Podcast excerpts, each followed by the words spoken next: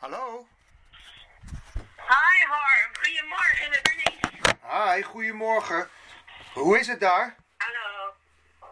Het gaat hartstikke goed. We hebben zijn gisteren de magische grens van de 89ste breedtegraad overgestoken. Ja.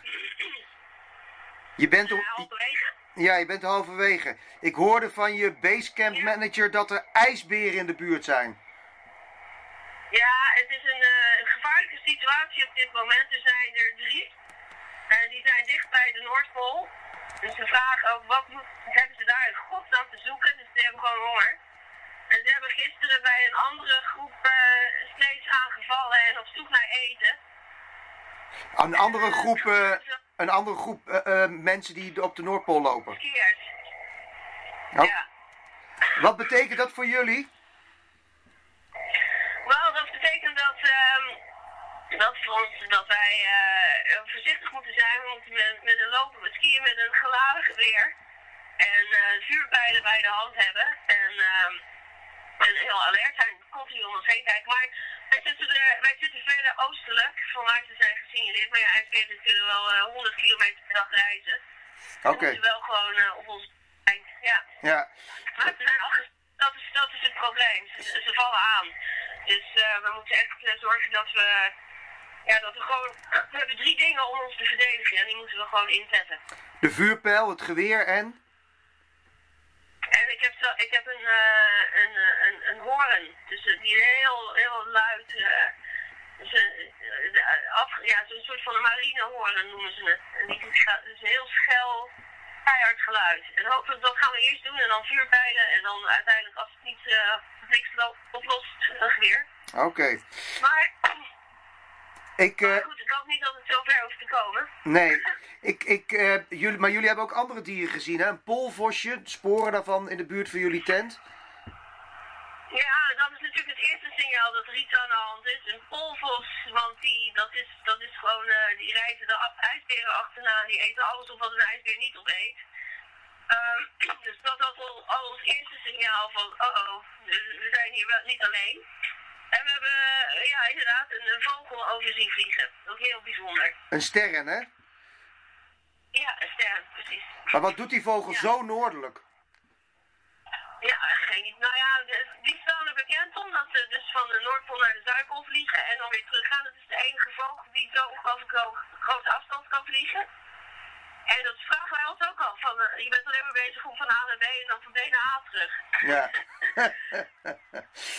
De- dat is waar je over kan nadenken als je zo door de, over de Noordpool aan het trekken bent, lijkt me. Eh, Ja. Dat soort dingen heb je dan eigenlijk eens een keertje de tijd voor dat, dat die door je hoofd kunnen gaan. Dat soort gedachten. hey, en eh, eh, Geen verjaardagen, geen, geen hypotheken, geen files. Weet je wel, dat bestaat allemaal hier niet. Je kunt echt eens een keertje gewoon rustig nadenken over dingen die, ja, die belangrijk zijn in het leven. Bijvoorbeeld de vlucht van een ster. precies. hey, maar ik, vorige, keer, vorige week sprak ik je, toen was het min 36 graden. Eh, nu is het veel minder koud, hè? Veel in de koud. Het is min 26 ongeveer. Het is eh, veel plezieriger, prettiger voor ons. Nee, het is niet allemaal zo bevroren. Dingen werken meer. Wij zijn ook gewoon wat sneller. Het kou ne- ontneemt gewoon het leven. Het is niet, het is niet normaal hoe traag je wordt. Alles duurt eindeloos voordat je je laarzen aan hebt, je kleren aan hebt. Ja, je- als, je, als je je laarzen aantrekt, heb je alweer koude vingers. Die moet je eerst weer opwarmen. Dus dat is allemaal wat minder ernstig nu. Het is nog steeds natuurlijk heel koud, maar we kunnen gewoon functioneren. Ja. En ook, en belangrijk voor ons is, onze sleets die glijden gewoon veel beter over het ijs. Dat is, eh, is niet meer zo stroef, dus we hebben ook gewoon minder rugpijn. die sleets die zijn best wel zwaar. Ja. En, eh, en dus dat, dat is allemaal een voordeel. We willen alleen niet dat het nog warmer gaat worden dan 25 graden onder nul, want dat gaat het gevolg hebben hier voor het ijs. Want dat gaat dan, het klinkt heel raar, maar 25 graden is een beetje de ma- maximale grens. Dat alles zo goed bevroren blijft en dan daarna gaat het gewoon opbreken en wordt het over water en gaan, gaat het, gaan dingen schuiven. En dat is dan niet in ons voordeel. Nee, maar en is dit normaal min 25 of is dit ook opwarming van de aarde die je nu eh, aan de lijf ondervindt? Nee, dit is, no nee, dit is normaal. En dit is eigenlijk wat wij nu meemaken, is, is, niet, is, is abnormaal. Dus, dus met klimaatverandering dat het zo koud is eh, gedurende onze klimaat. We zijn nog dagen hier, dus dat is ook een momentopname. Ja. Maar dat, dat, is, dat is uitzonderlijk. Maar da- dat moeten we niet eh, verwarren met het beeld van wat we wel om ons heen zien, namelijk heel veel eenjaars ijs, eigenlijk alleen maar. Ja. En dat dus pas in november gevormd is. En het is, nu even gewoon makkelijk voor ons, maar het grote, de big picture is natuurlijk wel dat het eh, eh, dramatisch slecht gaat met, het, Ar- met de Arctische Oceaan. Ja. En dat, ja, en dat en normale wijze, toen jij daar in 2007 was, was het toen anders? Ja, wel- maar in 2013 was ik hier ook, hè? 14. Dus ja. ik- het- het- dat was drie jaar geleden. Ja, wij hebben, we, we hebben daar, we zitten daar ook met, met, ons, eh, met ons drie over te praten. We, we, ze- we zeggen allemaal, het is anders omdat we gewoon veel meer ehm, open water is. Dus ik bedoel, eh eh eenjarig ijs gewoon, het, het, het is net alsof je op het IJsselmeer aan het lopen bent. Zo moet je het een beetje voorstellen. Gewoon enorme vlaktes Ja. met al gegrippeld heeft gehad. Hè? Dus, dus het is al een tijdje zo. Dus je ziet ook echt windriggels.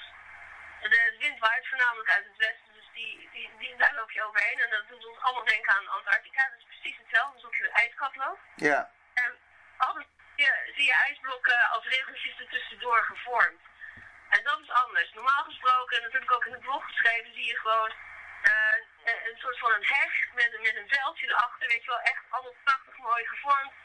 Allemaal goed compact bij elkaar gehouden. Maar dat is, dat is allemaal niet meer aan de hand. Het is, je ziet gewoon, het is chaotisch. Het is een, het is een slagveld. Het is, als het even opwarmt, dan, dan gaat het allemaal in beweging. Popt over elkaar, schuift over elkaar. Ja. Dat zie je. Ja, hé hey, luister, eh, je zit bijna op de Noordpool. Een kompas heeft geen zin meer, hè? die draai je gewoon wild in de ronde. Hoe weet je waar je naartoe moet Ja. lopen in die eindeloze ijs, ijsvlakte waar je zit?